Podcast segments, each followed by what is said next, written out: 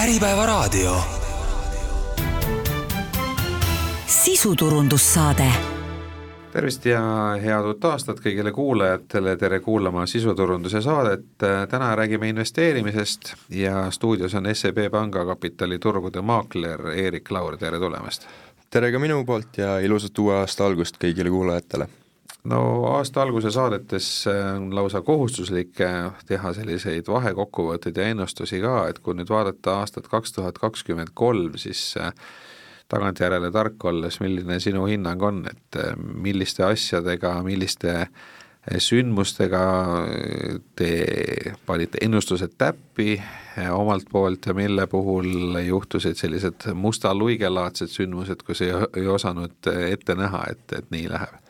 Äh, ma ütleks, et äh, alustuseks kohe ära, et äh, väga palju ennustusi ma ise ei teinud kaks tuhat kakskümmend kolm aastaks küll aga mõjutasid turgu peamiselt siis kaks suuremat sündmust. üks oli neist ai ehk siis tehisintellekt ja teine oli siis see, kuidas keskpankurite intressiotsused turge siis nii-öelda juhendasid ja mõjutasid. et kui me vaatame ainuüksi siis SMP viissada tootlust, mis on siis nii-öelda kõige populaarsem indeks põhimõtteliselt maailmas, siis esimese kümne kuu jooksul, kaks tuhat kakskümmend kolm aastal, kasvas sama indeks ainult kaheksa protsenti ja viimase kahe kuu jooksul, kus siis äh, oli juba rohkem infot selle kohta, et keskpankurid siis äh, hakkavad intressimäärasid järgmine aasta langetama ja suuremad tõusud on möödas,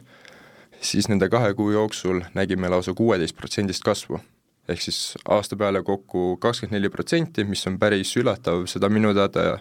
ükski suurem investeerimismaja ei osanud ette ennustada. kas, kas SMP mingi saja aasta keskmine ongi kaheksa protsenti või midagi äh, kanti? pigem jah, kuskil sinnakanti jah, et äh, kakskümmend neli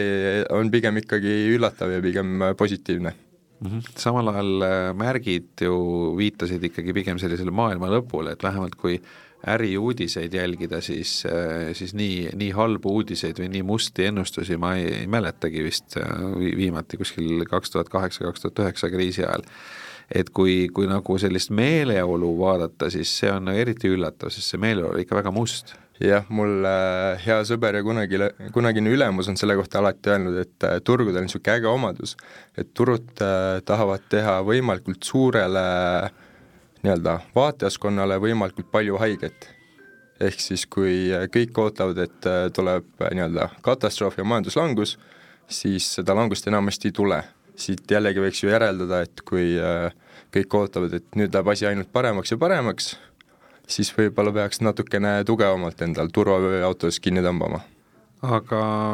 ometi oli raske aasta selles mõttes, et äh, sõda jätkus, äh, paljude suurte riikide majandus ei kasvanud, oli hästi palju määramatust, noh mitte üksnes sõda ei jätkunud, vaid isegi teine suur sõda ju algas aasta lõpus.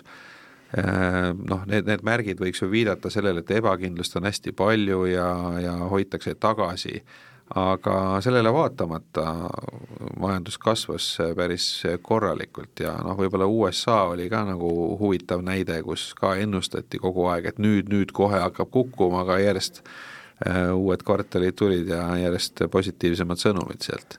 Jah, äh, USA majandus äh, pidas siis üllatavalt hästi vastu kõrgetele intressimääradele ja kui me vaatame siis turuliikumisi, siis mis domineerisid turgudel, olid ikkagi tehnoloogiasektor. Et äh, ma küll mainisin, et äh, SB viissada kasvas kakskümmend neli protsenti aastaga, aga kui me võtaks sealt välja nüüd siis need äh, tehnoloogiaettevõtted, siis kui me vaatame seda ülejäänud posu, mis seal on, siis nende väärtus kasvas ainult kuus protsenti aasta jooksul ja kusjuures see kuueprotsendiline kasv tuligi viima-, aasta viimase kuuga. ehk siis kui vaadata nii-öelda turu liikumist ja majanduse liikumist, siis seal väike lahkheli tundub olevat mm. -hmm no praegu aasta alguses esimesed päevad, kui me siin seda saadet salvestame, on tehnoloogiaaktsiad langenud järjest mitu päeva. Et äh, selline aasta algus äh,, esimesed päevad jälle teisipidi pole, pole olnud väga rõõmustavad, aga jällegi, see on hästi lühike periood. nüüd äh, tehisintellekti mõju kuidas see siis väljendub, et kas, kas me oleme jõudmas aega, kus tehisintellekt teeb paremaid otsuseid kui, kui kauplejad, inimestest kauplejad ja maaklerid? seda ma tahaks veel loota, et veel ei tee, olen proovinud ise makroülevaadet tehisintellektil lasta kirjutada, sellega ta ei saanud kohe üldse hakkama, aga miks see tehisintellekt võib-olla siis nii nii-öelda vaimustav asi on, on siis selle tõttu, et kui me vaatame, mis nii-öelda, mis on majanduse, majanduskasvu tegurid, lihtsalt, lihtsalt võime võtta kaks asja. üks on produktiivsuse kasv, teine on see, et rahvastiku arv suureneb me teame, et üha enam on arenevas ühiskonnas see probleem, et rahvaarv on äh, pigem taandumas. ja nüüd on see produktiivsuse kasvutegur just, et ai-d ehk siis tehisintellekti nähakse siis nii-öelda suure päästjana. et äh, ma arvan, turud on seda kõvasti praegu sisse hinnastanud, eks kaks tuhat kakskümmend neli aastal saame me näha, kas äh, kas ai tuleb meid päästma või on siis natuke liiga optimistlik oldud no see rahvaarvu kasv, see on huvitav asi, sest äh, meie siin Eestis ja üldse Euroopas oleme hädas äh, vananeva ja väheneva rahvastikuga, aga samal ajal näiteks USA rahvastik ju kasvab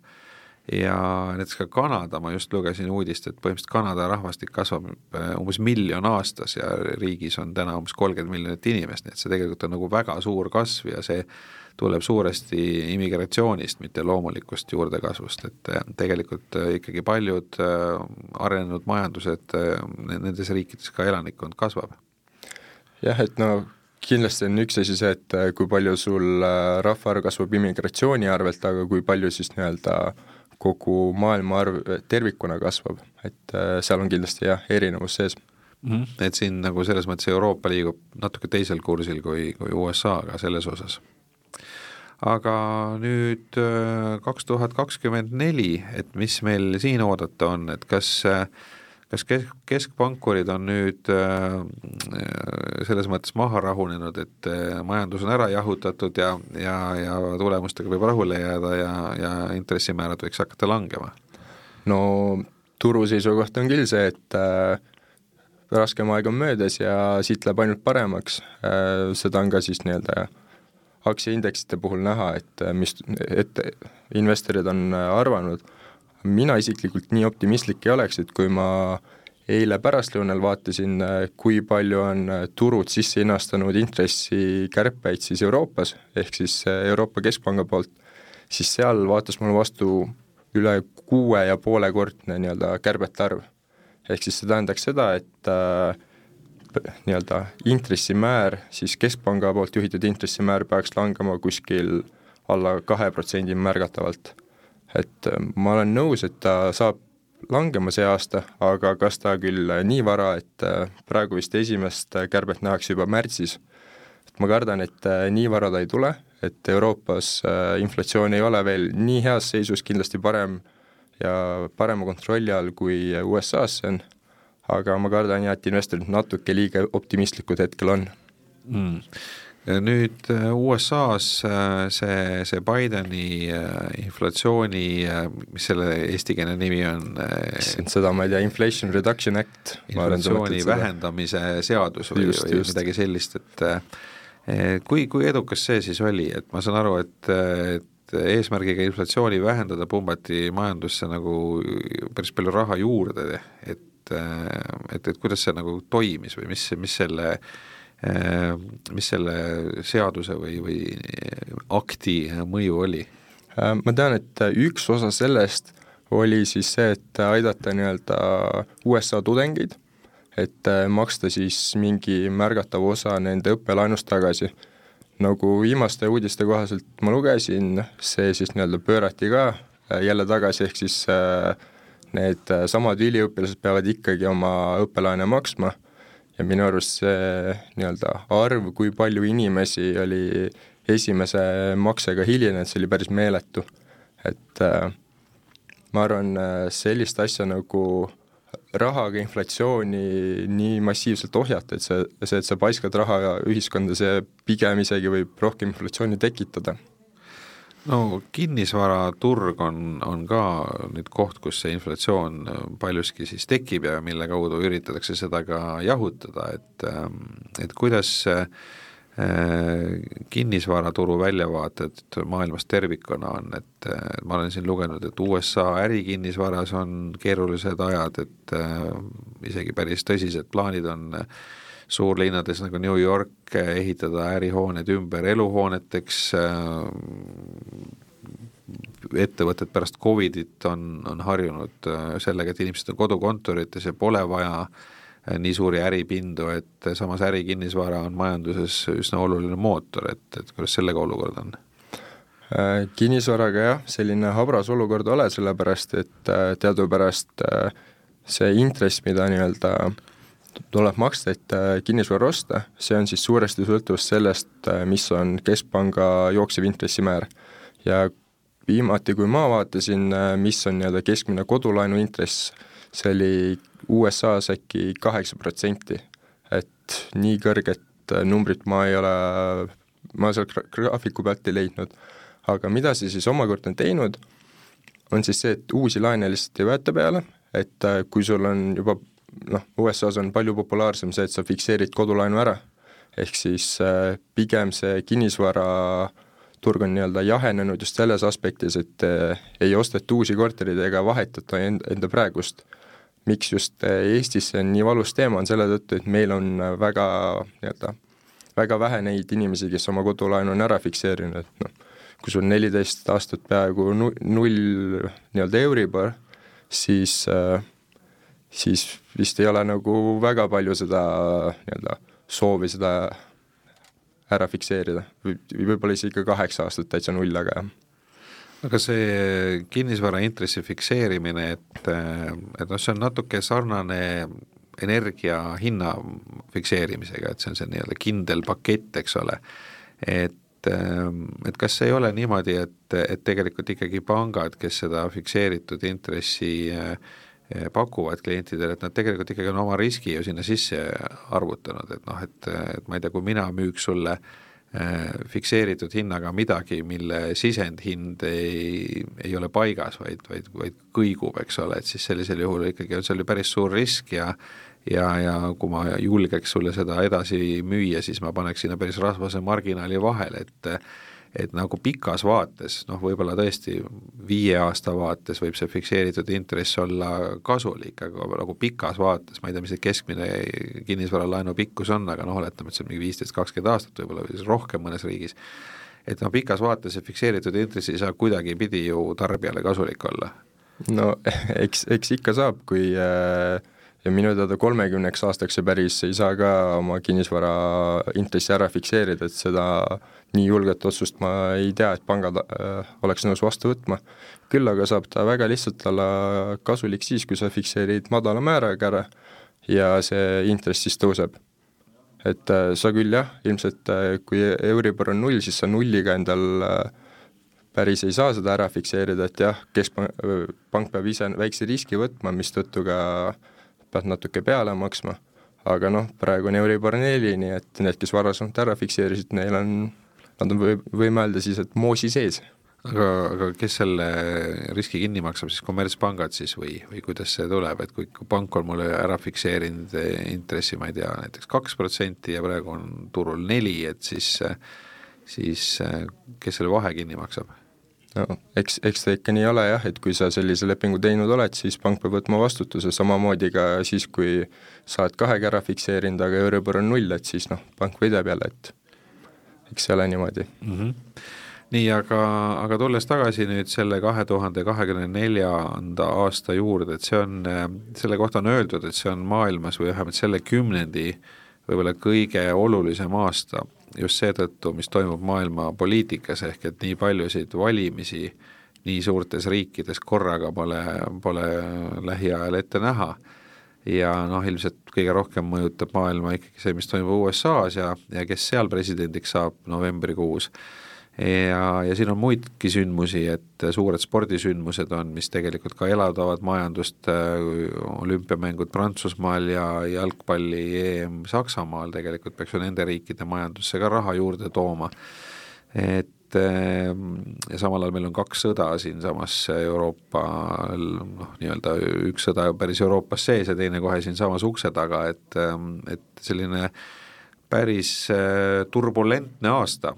et kuidas see, kuidas selle mõjud majandusele välja näevad? jah, nüüd sa esitasid äh, väga palju erinevaid sündmusi, ma katsun ükshaaval nendega hakata tegelema, et äh, alustame siis spordisündmustest, ma ise olen ka sellel teemal artikli kirjutanud, et äh, kuidas siis nii-öelda olümpiamängud võiksid äh, ole, otsustavaid ettevõtteid mõjutada, et äh, seal üldjoontes pigem on see ikka väga spekulatiivne, et äh, sellist nii-öelda otsest mõju on väga raske hinnata äh,. Jah, üldjoontes ikkagi see, kui sa suure võistluse korraldad, siis äh, sul tuleb palju uusi nii-öelda turiste ja inimesed äh, kulutavad raha sinu teenuste ja toodete peale, me peame ikkagi vaatama ka seda, kui palju maksab selliste spordivõistluste korraldamine, et äh, ma ei, ei ole väga kindel, et see just äh, tohutult äh, nii-öelda kasumlik äh, tegevus on, et muidu oleks väga suur nii-öelda suur nõudlus selle järgi, et kes äh, olümpiamänge korraldab, aga ma ei no, no Pariisis vist on see asi, et äh, on hästi palju olemasolevat äh, taristut, mida saab kasutada Just. ja samamoodi Saksamaa jalgpalli EM-iga, et Saksamaa on maailma juhtiv jalgpalliriik ja seal on staadionid kõik olemas, eks ole. just, aga kui me vaatame näiteks, kuidas toimus MM Kataris, siis seal ilmselt nii palju platse ei olnud olemas, et no just, enamus ikka ehitati juurde. see sõltub suuresti sellest sõja kon-, sõja kontekstis see on kindlasti väga valus teema, ma arvan, eriti just äh, meie nii-öelda riigile, sest agressorriik on ikkagi meie naaber ja aga viimasel ajal on pigem aktsepteeritud seda kui kurba reaalsust, et ei ole olnud näha liiga palju kõikumisi äh, turgudel selle tõttu, et äh, Lähis-Ida konflikt oleks äh, nii-öelda suuremaid mõõtmeid võtnud ta pigem on äh, rohkem mõju avaldanud toormehindadele. kui nüüd vaadata veel seda globaalset äh, poliitikat, siis kas, kas turgudele meeldiks rohkem vabariiklaste võit USA-s või demokraatide võit, ehk et, et kuidas turud võiks sinu hinnangul reageerida, kui näiteks Trump peaks võitma? Äh, ma olen selles osas näinud päris huvitavat graafikut, et seal oli välja toodud siis äh, see, et äh, kuidas äh, USA majandus on äh, käitunud siis, kui on vabariiklaste president, versus siis, kui on demokraatide president. ma neid tulpasid päris täpselt kokku ei lugenud, aga silmaga oli väga raske eristada, et kumma puhul on rohkem olnud majanduslanguseid, kumma puhul vähem. et see eeskätt ikkagi sõltub sellest, mis toimub globaalses majanduses tervikuna, mitte siis nii väga sellest, kes on seal nii-öelda eesotsas. et ma küll ei mäleta, kes kaks tuhat kaheksa aastal äh, kumma, kumma poole esindaja oli, aga ma arvan, seda finantskriisi oleks, äh, ei oleks suutnud kumbki president äh, ära hoida. see oli vist Obama aeg peaks Just. olema jah, et te, tegelikult mingi statistika ma mäletan, oli selline, et, et kuigi sõnades on vabariiklased nagu rohkem sellise noh, nii-öelda kapitalismi toetajad, siis tegelikult on nagu sellised äh, ütleme, kui vaadata just eelarve defitsiiti, siis eh, demokraatide ajal on olnud eelarve nagu rohkem kontrolli all, et just viimati Bill Clintoni ajal oli, oli eelarve plussis üldse USA-s, et pärast seda on nagu asi käest ära läinud. et, et see tingimata jah, ei, ei tähenda, et kumb, kumb partei tüüri juures on, et seal neid mõjureid on palju rohkem aga mis me veel kaks tuhat kakskümmend neli aastast äh, lisaks sellele, et on palju valimisi, lisaks sellele, et need sõjad jätkuvad suure tõenäosusega, on suured spordisündmused, mis, mis meil veel e-, ees oodata on mm.? ma arvan, et äh, just see tehisintellekti areng, et äh, kuidas see hakkab meid mõjutama, et kui mõelda selle peale, kui palju on need tehnoloogiaettevõtted just tehisintellekti ootusest tõusnud siis äh, kaks tuhat kakskümmend neli aasta saab olema päris huvitav, et äh, kas äh, see nii-öelda kõrged valuatsioonid on õigustatud, et kas suudetakse siis muuta oma ettevõtmist nii palju efektiivsemaks tehisintellekti abil või tuleb investoritele väike pettumus?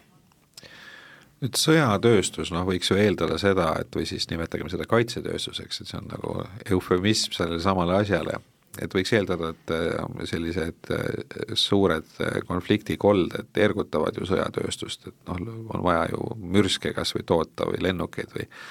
kõike seda ja samal ajal nagu noh, ESG nõuete tõttu väga, väga paljud investorid ju ei investeeri kaitsetööstuse ettevõtetest, ma olen aru saanud, et need reeglid on nüüd natukene pehmemaks läinud, et, et kas kas ütleme, investorite raha äh, juurdevool kaitsetööstusesse, et kas see on midagi, mis, mis võiks tänu nendele sõdadele nagu oluliselt kasvada? no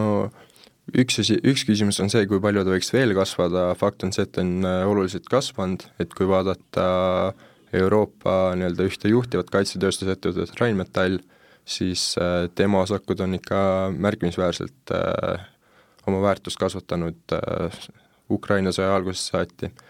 aga seda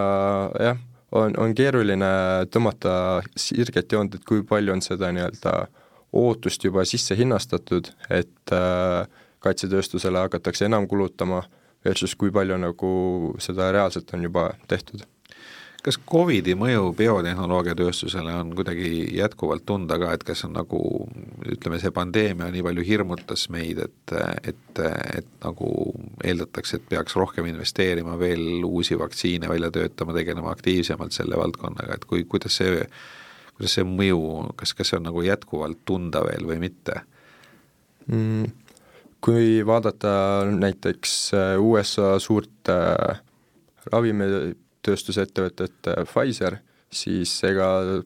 Pfizeril väga roosiline aasta see ei, see aasta, mis just lõppes, ei ole olnud. et äh, ma küll täpset protsenti ei tea, aga langusest on kõvasti olnud. samuti kui vaadata tervikuna neid suurimaid ettevõtteid, mis nii-öelda Covidi ajal kõvasti buumisid, siis ka need on äh, märkimisväärselt oma tippudest madalamal tasemel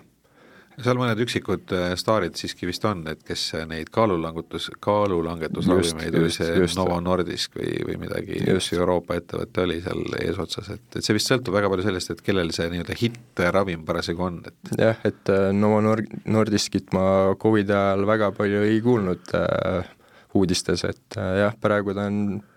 nii-öelda väga populaarse, väga populaarset probleemi lahendamas, mis on siis ülekaalulisus ja see teadupärast äh, arenevas ühiskonnas on nagu väga-väga nii-öelda populaarne teema, et et siin tuleb ikkagi vaadata jällegi mitte kogu sektorit, vaid üksikuid firmasid, kellel siis parasjagu see hitt-toode on. jah, et kui vaadata tervikuna mingit äh, näiteks tervishoiu sektori indeksit, siis äh, enamasti nad on üsnagi tugevas korrelatsioonis olnud äh, maailmaturuindeksi ja SB viiesajaga. Et äh, selles suhtes jah, aga kindlasti seal on, nagu ka SB viiesajas on mingeid kindlaid staare, mis panevad mit-, mitme, mitmeid tuhandeid protsente ülespoole, et jah, kellel on soovi ja jaksamist, siis heinakuhjast nõela võib otsida kindlasti, jah pidime nüüd rääkima eestlaste investeerimisharjumustest ka, et kuidas iseloomustada Eesti investoreid, et äh, milliseid varaklassi ta armastab, äh, milliseid sektoreid ta armastab, kuidas kuidas ta käitub, et on, on, on siin üldse võimalik mingeid eripärasid välja tuua või on kõik investorid ühesugused üle maailma? Äh, ma arvan, Eesti puhul kindlasti väga oluliselt kehtib see reegel, et investorid kipuvad armastama seda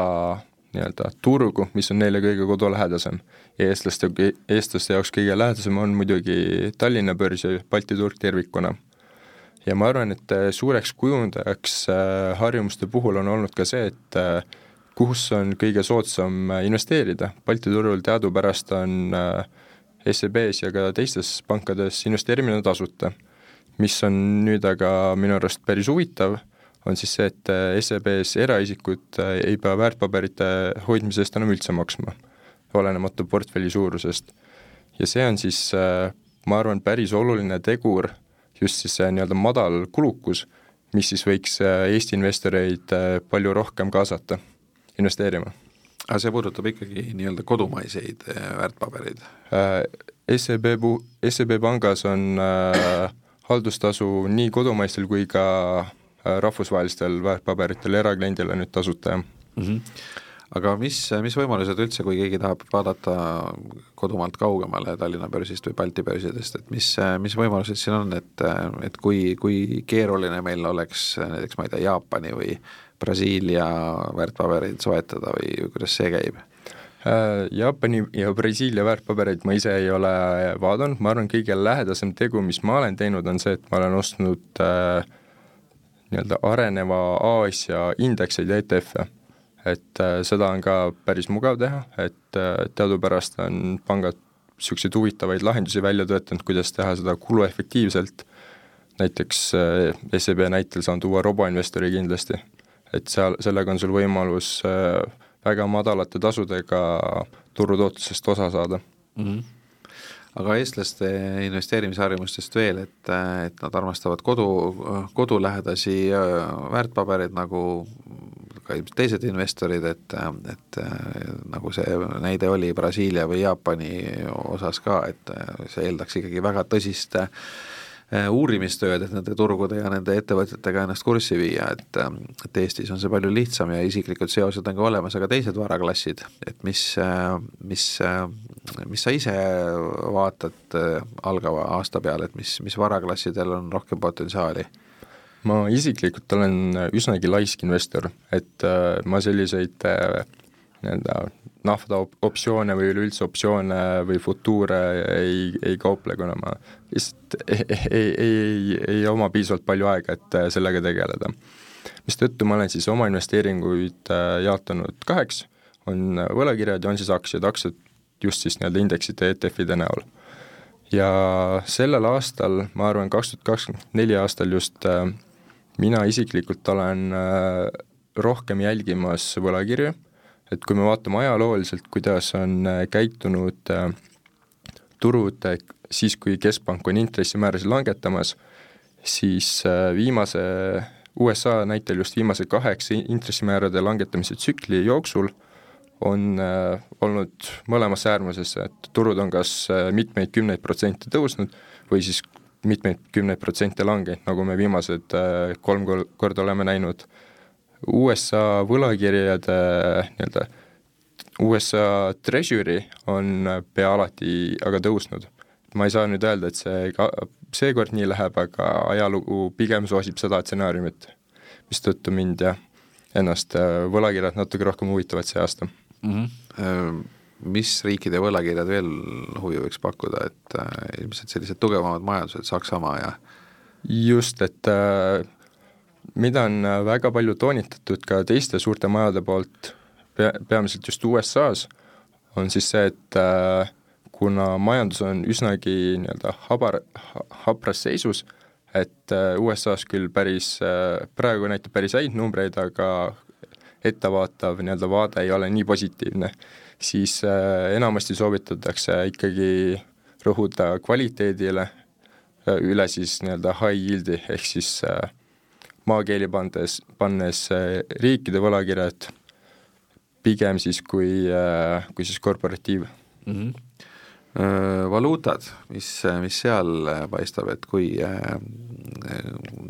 kui suured võimalused seal on näiteks, kui keegi tahaks, ma ei tea,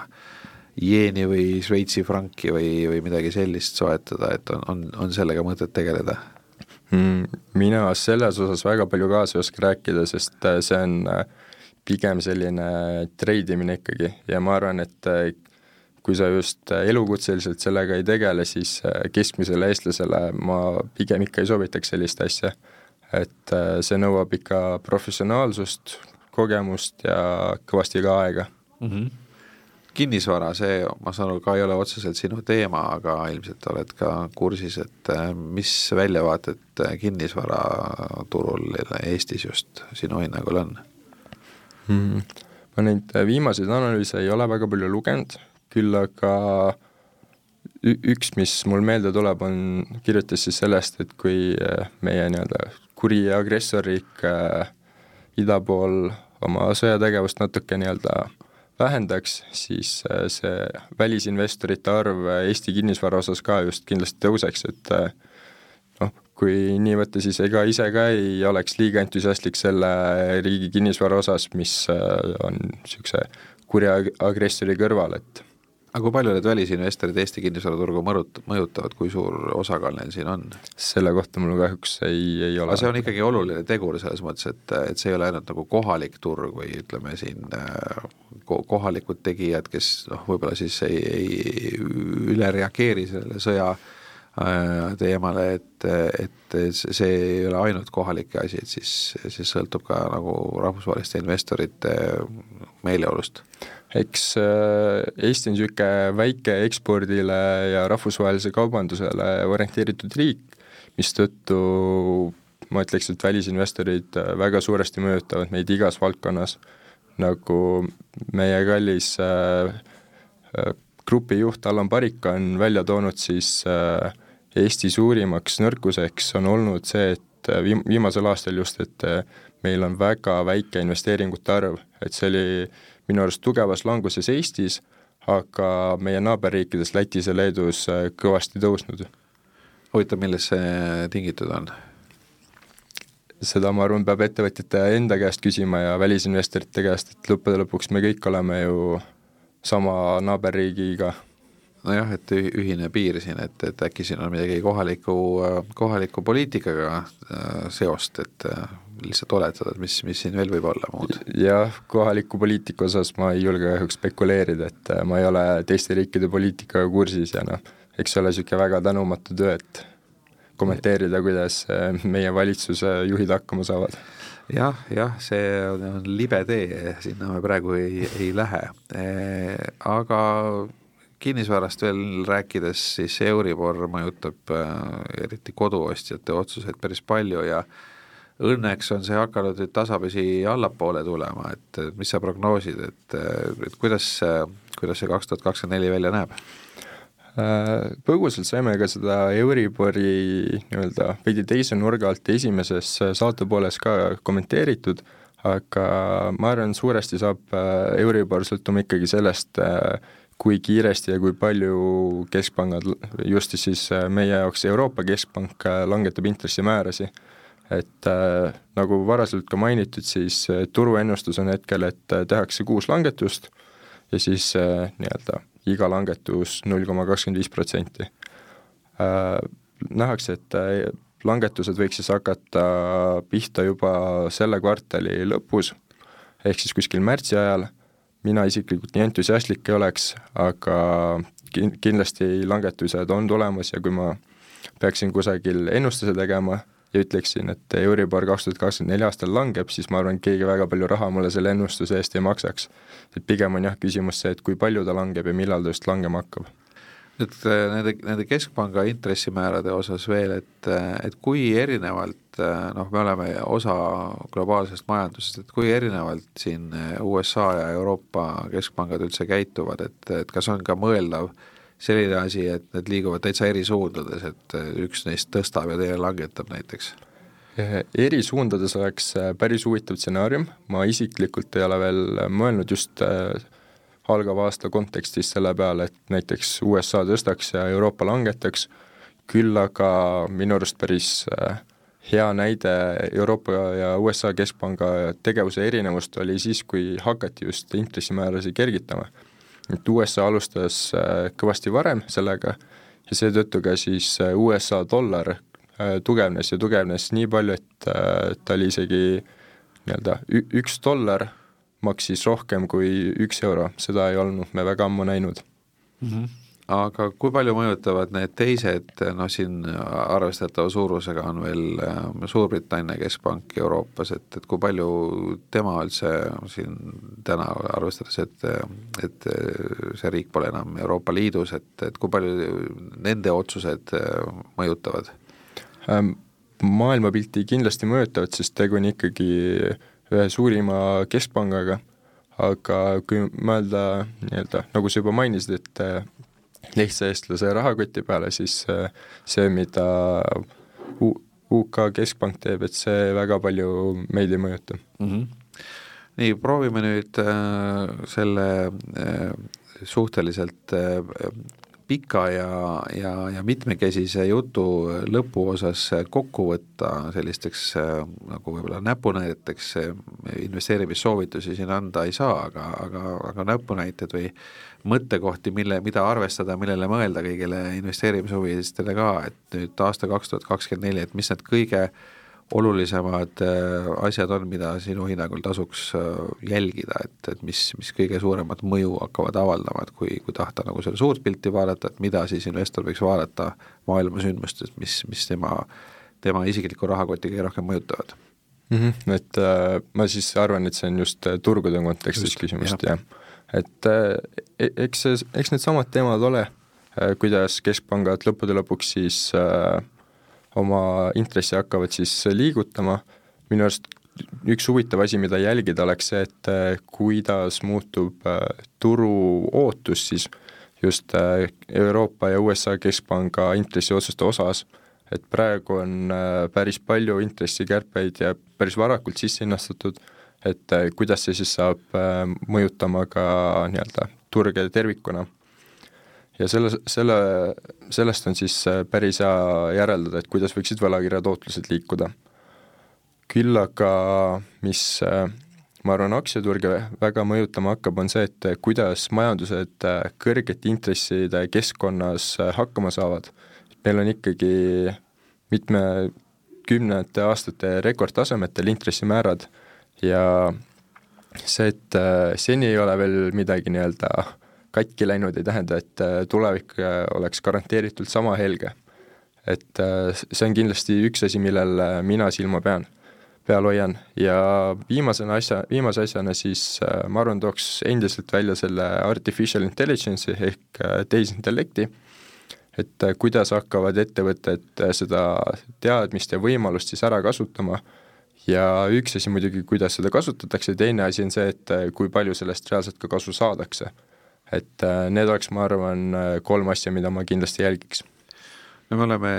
peaaegu nelikümmend minutit rääkinud ja kordagi sa pole maininud sellist äh, sõna nagu kliima või keskkond, et äh, samal ajal see, see tundub nagu olevat nii poliitikas kui majanduses ikkagi nagu, nagu number üks äh, teema võib-olla siis sõja kõrval. et riigid on otsustanud fossiilkütuste osa vähendada, mitmed riigid on otsustanud tuumaenergiasse panustada, et kuidas see majandust ja, ja turge mõjutab? vaata, kliimaga praeguses ühiskonnas on äh, sarnane teema minu arust nagu poliitikaga. et on, oleks äh, väga kahte äh, mindud, et osad on väga-väga selle poolt ja arvavad, et see peaks olema majanduses kõige olulisem asi, teised jälle ütlevad, et sellega me lõhume majandust ja see ei ole üldse oluline ma ei, ma ei julge öelda, kumba, kumbasse äärde mina kal-, kaldun, sest nagu ka poliitikaga see on selline habras teema, mida ma väga ei kommenteeriks. küll aga on äh, tõsiasi see, et äh, kui süsteemi siis nii-öelda sundida olema loodusega kooskõlas, siis, äh, siis kipub olema ikka nii, et majandus väga hästi hakkama ei saa aga, aga ma küsin siis niipidi, no põhimõtteliselt nagu energeetika valdkond, eks ole, et, et sinna noh, sellest kliimast, kliimaeesmärkidele kohaselt peaks taastuvenergiasse nagu meeletult suured investeeringud tulema, et muidu ei ole võimalik ju fossiilkütuste osa vähendada. et see tähendaks seda, et nagu taastuvenergia peaks kõigi eelduste kohaselt buumima. Jah, see on äh see on kin-, kindlasti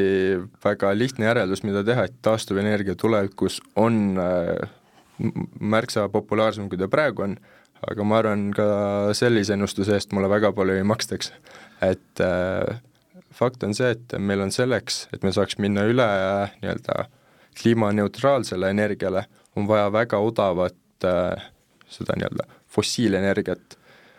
sest lõppude lõpuks kõikide päiksepaneelide tootmine, tuuleenergiaks kasutatavate tiivikute tootmine, et kõik see nõuab äh, odavat energiat, et me saaks seda võimalikult efektiivselt teha. kui vaadata, kui palju võtab äh, nii-öelda energiat praegu elektriauto tootmine versus tavalise auto tootmine, siis bensiinimootoriga auto ainult tootmisprotsessi poolest on märksa jätkusuutlikum, jah, kindlasti hei-, heitemõju tuleb ka juurde arvestada. et äh, selleks oleks vaja meil jah, odavat energiat ja ma kardan, et kui me liiga vara tuleme selle rongi pealt maha, et me enam üldse ei investeeri vana majandusse,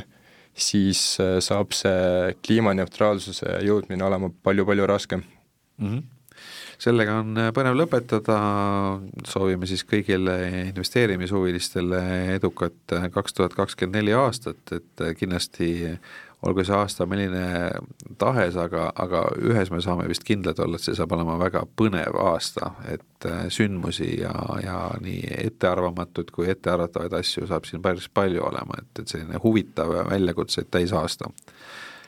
ja stuudios oli Erik Laur, äh, SEB kapitaliturgude maakler, mina olen saatejuht Ando Sinisalu ja aitäh kõigile kuulajatele! aitäh ja edukaid otsuseid!